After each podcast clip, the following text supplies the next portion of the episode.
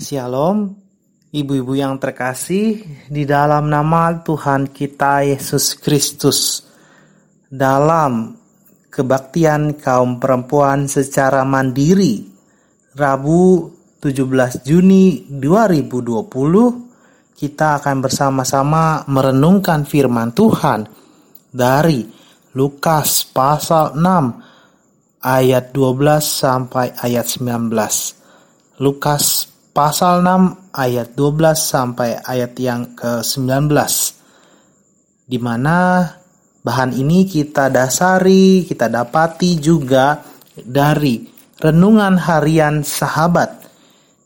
Dan dari sana kita bersama-sama kembali diajak di minggu kedua sesudah Pentakosta kita diajak untuk tetap memiliki kuasa doa. Ini ibu-ibu yang terkasih dalam nama Tuhan Yesus, judul perenungan kita dalam kebaktian kaum perempuan Rabu 17 Juni 2020 berjudul kuasa doa. Sebelum kita bersama-sama membaca Alkitab dan merenungkan firman Tuhan, mari terlebih dahulu kita mohon kuasa Roh Kudus di dalam doa. Kita bersatu dalam doa. Allah yang maha baik, Allah yang bertahta di kerajaan sorga, Allah yang mengasihi kami melalui perantara Tuhan kami Yesus Kristus, dan Allah yang sama tidak pernah meninggalkan kami oleh kuat dan kuasa roh kudus. Secara khusus ya Allah di minggu kedua sesudah Pentakosta, selaku kaum perempuan di GKP Jati Asia Allah, rindu untuk merenungkan firman-Mu secara mandiri. Kalaupun kami menggunakan media audio, kiranya tidak membatasi atas setiap kerinduan kami untuk dengar-dengaran firman-Mu ya Allah. Dan kami percaya saat ini kami akan merenungkan kuasa doa.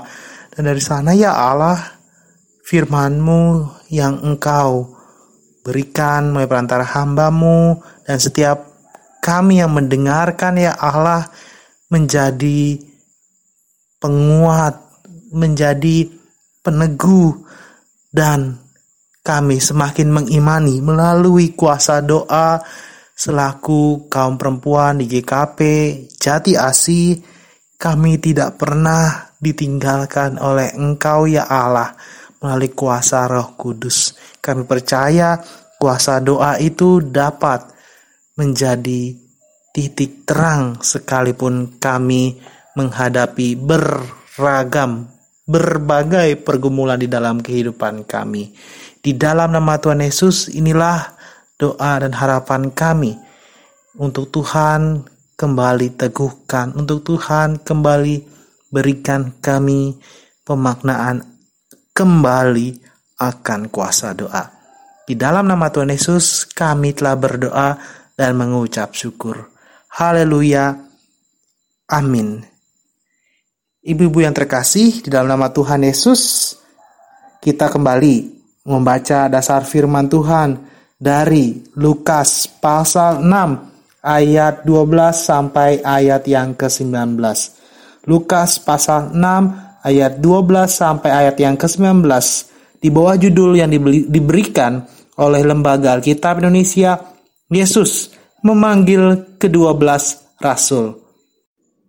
Dan judul perikop yang kedua diberikan oleh Lembaga Alkitab yakni Yesus mengajar dan menyembuhkan banyak orang.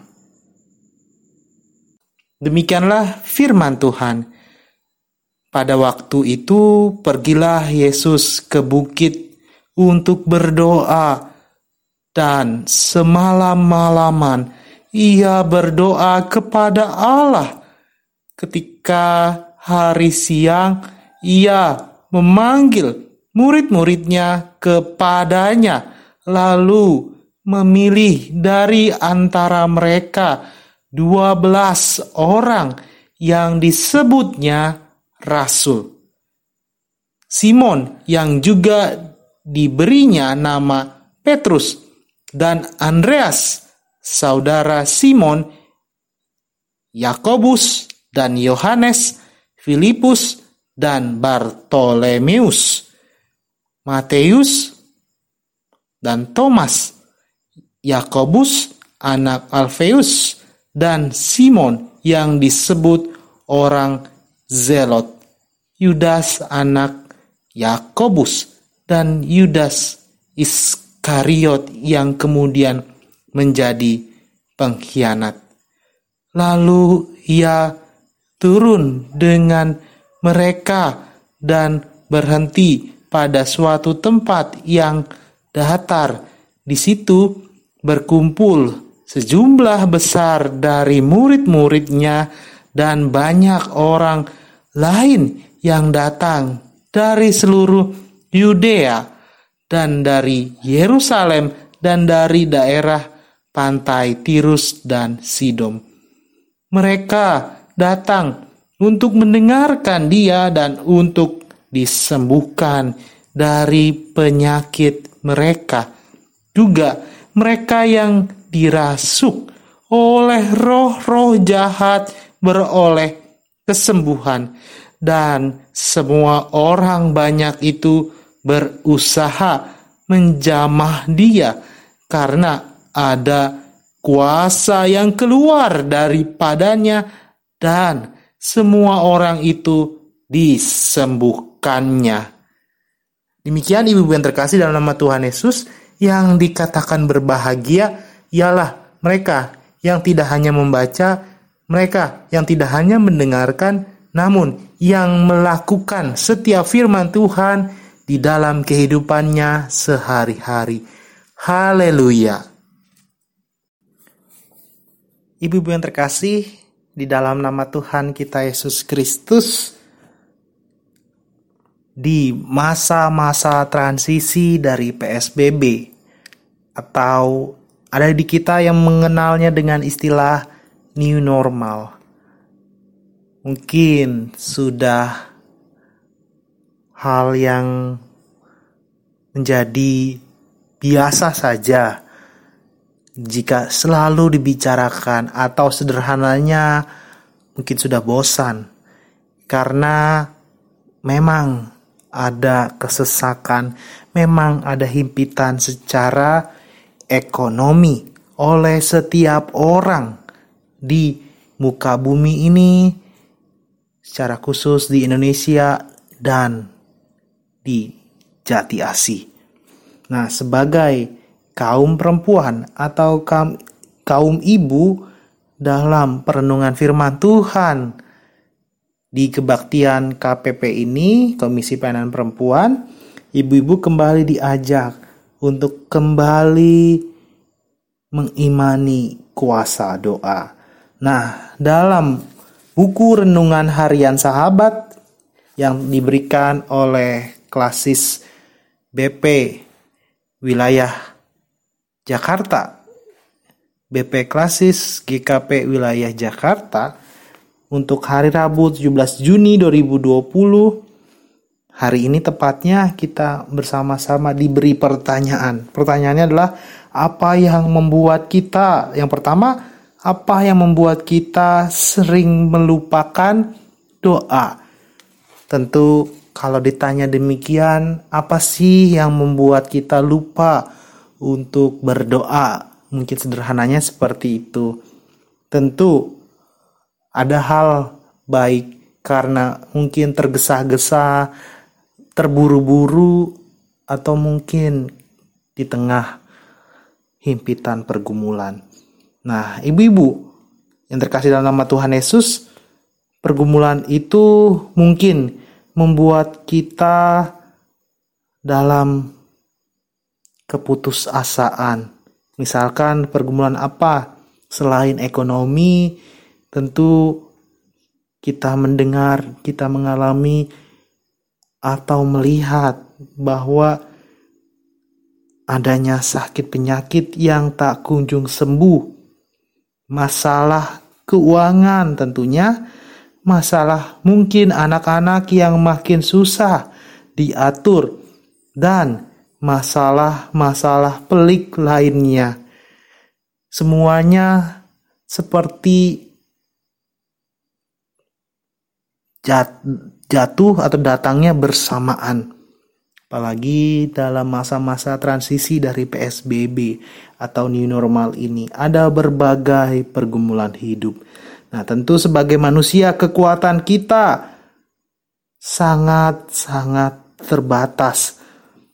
Ada kalanya kita merasa tidak kuat lagi menghadapinya. Bahkan di saat-saat seperti itu, kita membutuhkan kekuatan ekstra, kekuatan yang lebih dari biasanya, yaitu doa. Nah, ibu-ibu yang terkasih berbicara doa yang tekun yang dipersembahkan oleh iman sangatlah berkuasa. Maksudnya dipersembahkan oleh iman sangat berkuasa itu seperti apa? Kalau kita berpasrah dalam doa secara teologi atau secara iman kita percaya bukan kitalah yang mengatur Tuhan di dalam doa. Apalagi ibu-ibu mungkin selalu mengucapkannya jadilah kehendakmu. Atau secara khusus ketika di dalam doa Bapa kami biarlah kehendak Tuhan yang jadi. Nah ibu-ibu yang terkasih kita diajak untuk terus memiliki iman pengharapan dan terus berpengharapannya berpasrahnya kepada Tuhan melalui doa. Nah, melalui doa itu kita dimampukan, dikuatkan oleh kuasa Roh Kudus. Kalaupun ada kekuatan, kalaupun ada tenaga yang ekstra kita tidak miliki, tapi Tuhan kita percaya akan selalu menguatkan. Nah, ibu-ibu yang terkasih, Doa yang tekun itu kita serahkan kepada Tuhan melalui iman. Tuhan secara khusus Tuhan Yesus pun mengajarkan kita untuk berdoa. Bahkan ia berdoa untuk murid-muridnya. Maksudnya apa? Kalau istilah dalam dunia pekerjaan sebelum rekrut, sebelum mengajak. Khususnya tadi di ayat ke-12, Lukas 8 ayat 12, pada waktu itu pergilah Yesus ke bukit untuk berdoa dan semalam-malaman ia berdoa kepada Allah.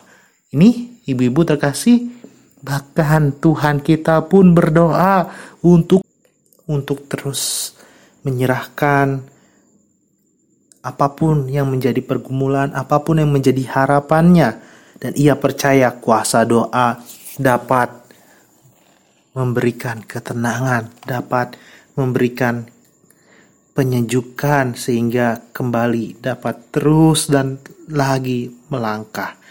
Nah, secara khusus ini tadi kita lihat di ayat 13 Tuhan Yesus memanggil 12 orang untuk menjadi muridnya. Siapa saja tadi di ayat 14 dan ibu-ibu mungkin sudah tahu Simon yang juga diberinya nama Petrus ada juga Andreas, ada juga Yakobus, ada juga Yohanes, ada juga Filipus, ada juga Bartolomeus, Matius, Thomas, Yakobus, kemudian ada lagi disebut Simon yang disebut orang Zelot.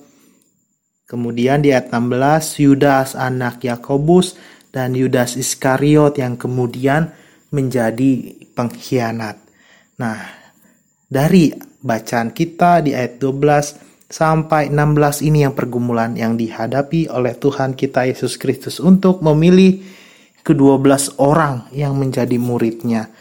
Kedua belas yang kemudian di, dibaca tadi di bahan bacaan kita disebut rasul dipilih dari antara sekian banyak murid yang mengikuti Yesus. Mereka 12 orang tadi dipersiapkan untuk melanjutkan pekerjaan Yesus di dunia ini dan menjadi pemimpin umat Allah yang baru. Menggantikan kepemimpinan, menggantikan sang guru mereka sebagai pemuka agama orang Yahudi kalau dalam bacaan Alkitab kita yang tidak kemudian mengaku karya penebusan Allah di dalam Yesus.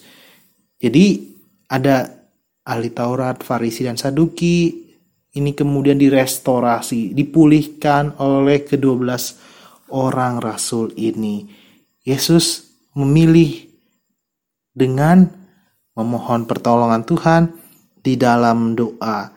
Dengan doanya, ia percaya Tuhan saja yang mengarahkan ia ke 12 orang itu dari banyak orang. Mereka dipilih atas kehendak Allah yang ia nyatakan kepada Yesus melalui doa. Sesudah memilih kedua belas rasul atau 12 murid itu, Yesus turun dari bukit dan bersama-sama dengan mereka. Jadi di ayat ke-17 sampai ayat ke-19 Yesus turun dari bukit. Dalam judul perikop kita yang kedua, lembaga kita memberikan judulnya Yesus mengajar dan menyembuhkan banyak orang. Ini secara sederhana, secara harafiah kita lihat setelah melalui doa apa yang dilakukan Yesus, dia mengajar, dia dapat menyembuhkan banyak orang melalui kuasa dari doa. Nah, melalui doa itu yang dihandalkan, yang diharapkan kepada Tuhan, Yesus diurapi dengan kuasa sekali lagi untuk pelayanannya baik dalam mengajar maupun menyembuhkan orang-orang dari segala lapisan masyarakat.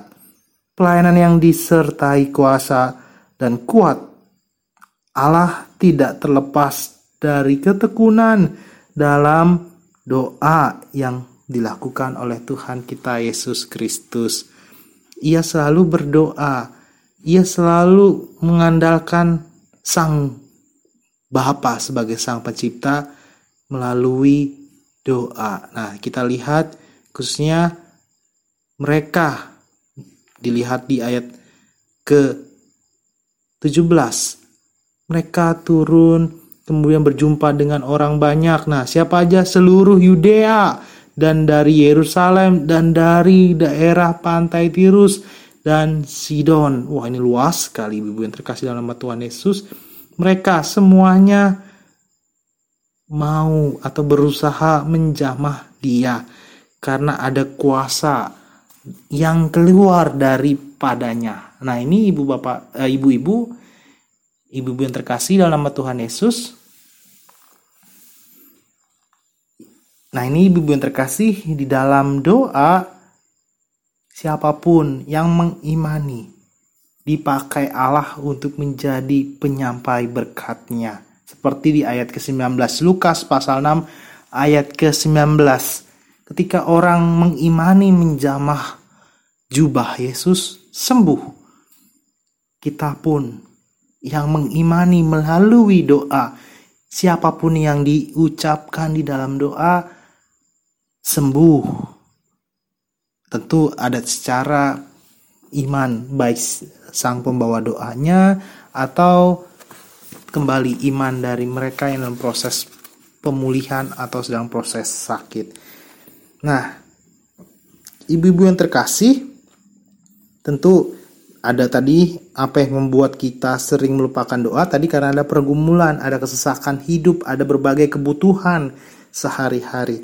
Nah, Kalaupun ada itu, pertanyaan kedua, siapa saja yang kemudian kita bawa di dalam doa? Siapa saja, tentu sebagai ibu-ibu atau sebagai kaum perempuan mendoakan baik kepada suaminya dan tentunya kepada anak-anak atau cucu atau menantu untuk terus Tuhan jaga, untuk terus Tuhan berikan berkat dan melalui kuasa doa tersebut keluarga sekalipun menghadapi transisi atau new normal ini dapat melaluinya dengan penuh harapan. Nah, kembali kuasa doa dapat memberikan kita ketentraman secara batin, ketenangan hati dan pikiran. Nah, ada hasil dengan kita berdoa. Kita mungkin sudah tahu sederhana sekali berdoa. Waktunya pun tergantung dari seberapa jauh kita ingin berdoa atau secara iman kita percaya doa itu nafas kehidupan orang percaya. Semakin manusia khususnya ciptaan Allah perlu untuk selalu dan selalu bernafas. Jadi setiap waktu, setiap saat. Jadi kalau ditanya siapa saja yang dalam kehidupan kita yang patut kita doakan, ya tentu kita akan selalu mendoakannya mereka. Anggota keluarga seperti bernafas. Mereka Tuhan jaga, mereka Tuhan berkati melalui kuasa doa. Kembali di minggu kedua sesudah Pentakosta dalam kebaktian kaum perempuan GKP Jati Asih kita diajak untuk memiliki kuasa doa. Dengan memiliki secara khusus iman dalam berdoa kemudian kita diajak untuk berbelas kasihan seperti Kristus yang kita dengarkan dalam kebaktian hari Minggu secara daring atau media digital yang dibawakan oleh Ibu Pendeta Magiolin. Kita diajak untuk kemudian berbelas kasihan seperti Kristus dengan doa, dengan kuasa doa seperti Tuhan Yesus sendiri. Semalam-malam dia berdoa untuk mencari kedua belas rasul. Kita pun siapa pun kita, ibu-ibu secara khusus dan apa pun yang sedang kita hadapi, selalu andalkan kuasa doa. Dan utamanya, dengan kuasa doa kita tidak sedang mendikte, sedang mengajarkan kepada Tuhan. Tidak, kitalah yang diajarkan oleh Tuhan untuk lebih lagi dan lagi memohon. Untuk Tuhanlah yang melihat, Tuhanlah yang mengubahkan Artinya kuasa doa itu kembali secara iman dan juga secara penuh ketulusan kita mengagungkan Allah yang maha besar. Kita mengetahui masalah kita besar, pergumulan kita besar. Tapi kita memiliki Allah yang jauh lebih besar. Inilah yang kembali kita diajak dan ingatkan kuasa doa dalam ibadah KPP Rabu 17 Juni 2020 masalah kita besar. Sekali lagi kita memiliki Tuhan yang jauh lebih besar. Dan Tuhan yang maha besar itu akan mencurahkan kuasanya melalui pertolongan Roh Kudus untuk memampukan ibu-ibu sebagai kaum perempuan untuk terus berbelas kasihan seperti Kristus untuk kemudian menjadi berkat baik kepada pasangan, bagi kepada anak-anak maupun kepada keluarga, terlebih berjemaat dan bermasyarakat, khususnya dalam pandemik COVID-19 ini atau di masa-masa transisi new normal ini, ibu-ibu yang terkasih dalam nama Tuhan Yesus, terus memiliki kuasa doa. Dan inilah yang menjadi pemaknaan kita di minggu kedua sudah Pentakosta. Tuhan Allah yang maha baik itu yang sudah mengirimkan Roh Kudus selalu memberikan penguatan kepada kita untuk terus membawa setiap pergumulan kita di dalam doa. Dengan doa kita memiliki kuasa Tuhan yang memampukan dan memberkati kita lagi dan lagi. Selamat memiliki kuasa doa dan berpasrah kepada Tuhan. Kiranya terus percaya Tuhan ada menyertai kita melalui pertolongan Roh Kudus. Tuhan Yesus memberkati. Amin. Mari ibu-ibu yang terkasih dalam nama Tuhan Yesus kita bawa setiap pokok-pokok doa kita di dalam doa syafaat. Dan kita akan akhiri dengan doa Bapa kami. Kita bersatu di dalam doa.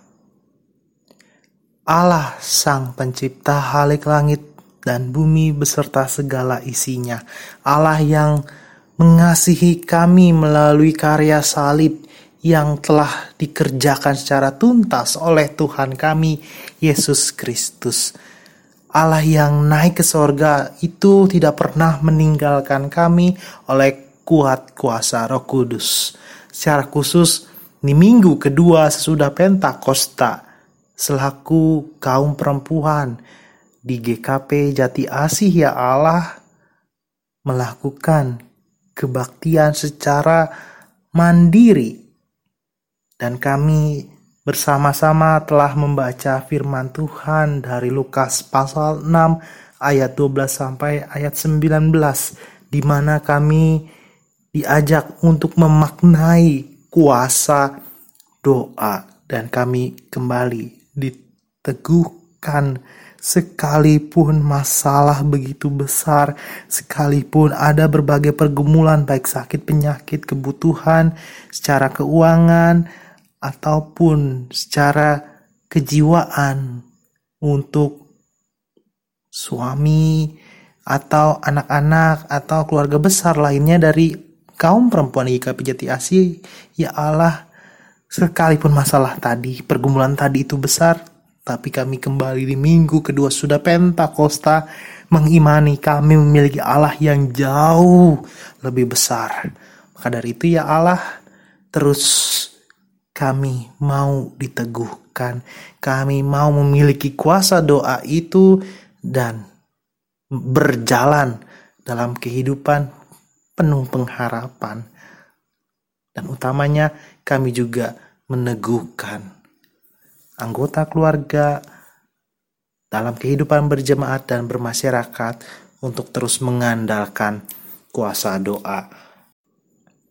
Ya Allah yang Maha Kasih, selaku kaum perempuan di GKP Jati Asih.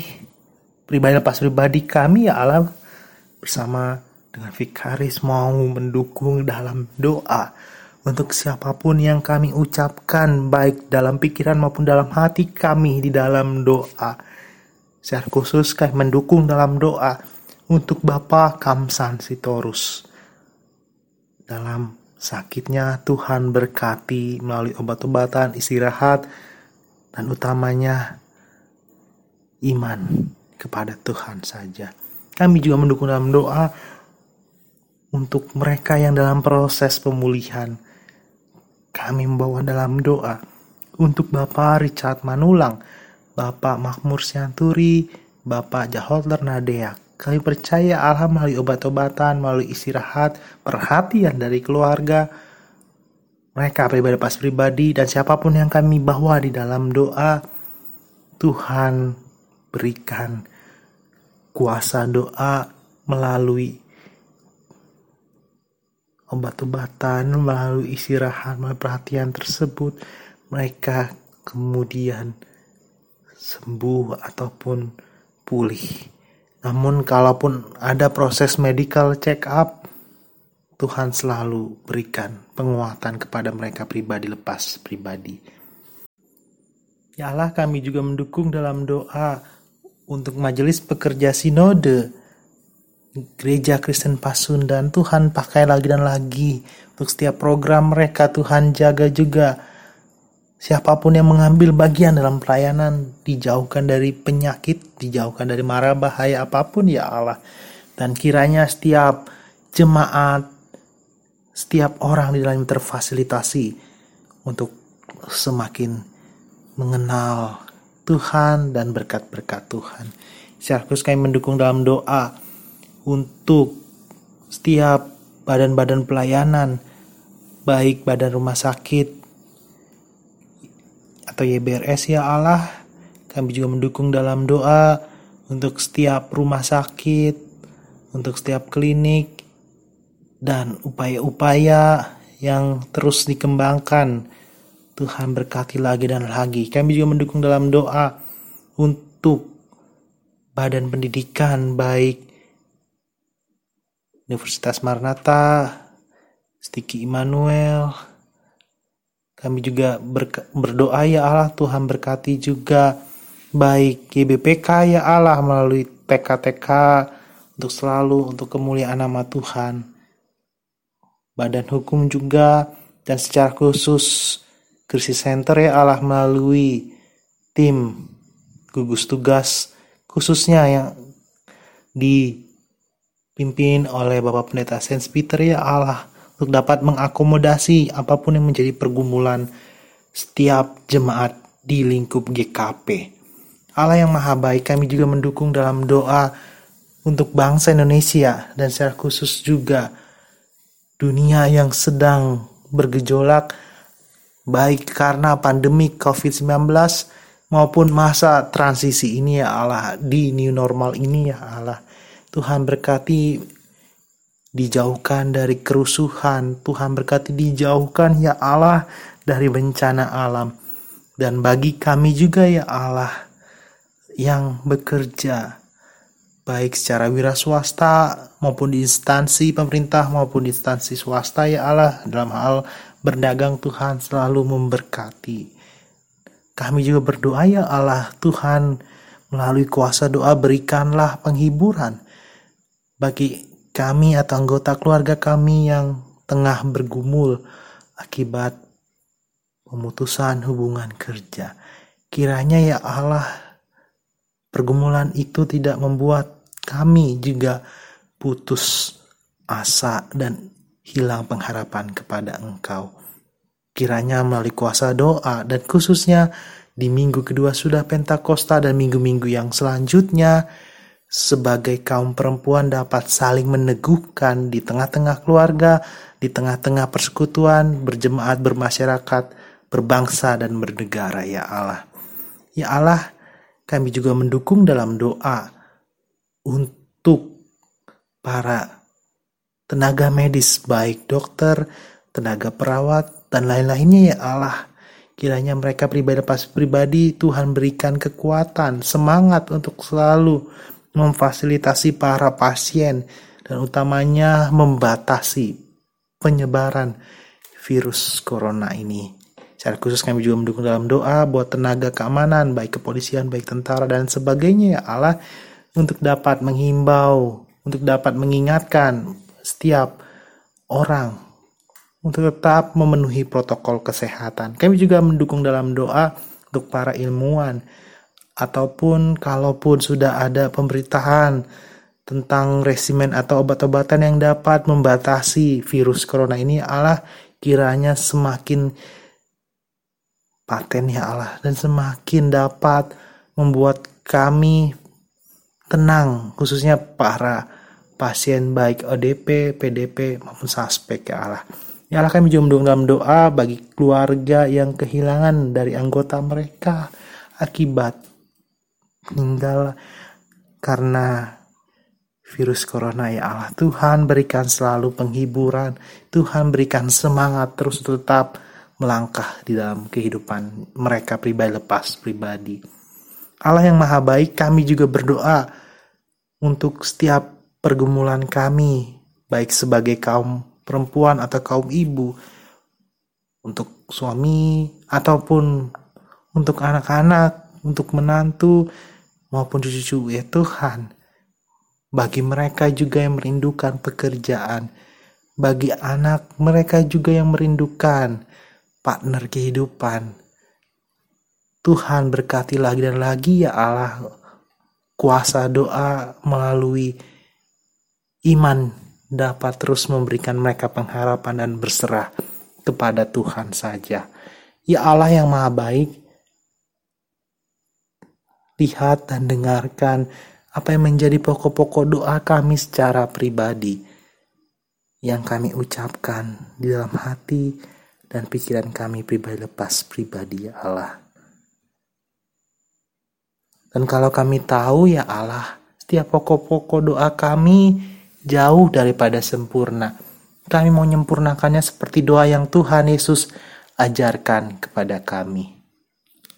Bapa kami yang di sorga, dikuduskan namamu, datanglah kerajaanmu, jadilah kehendakmu di bumi seperti di sorga.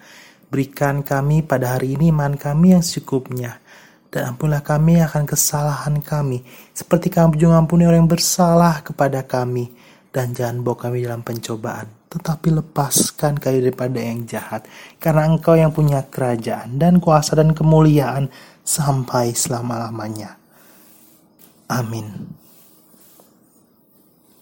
Demikian Ibu yang terkasih dalam nama Tuhan Yesus, kita telah membaca Alkitab, telah merenungkan firman Tuhan dan juga berdoa.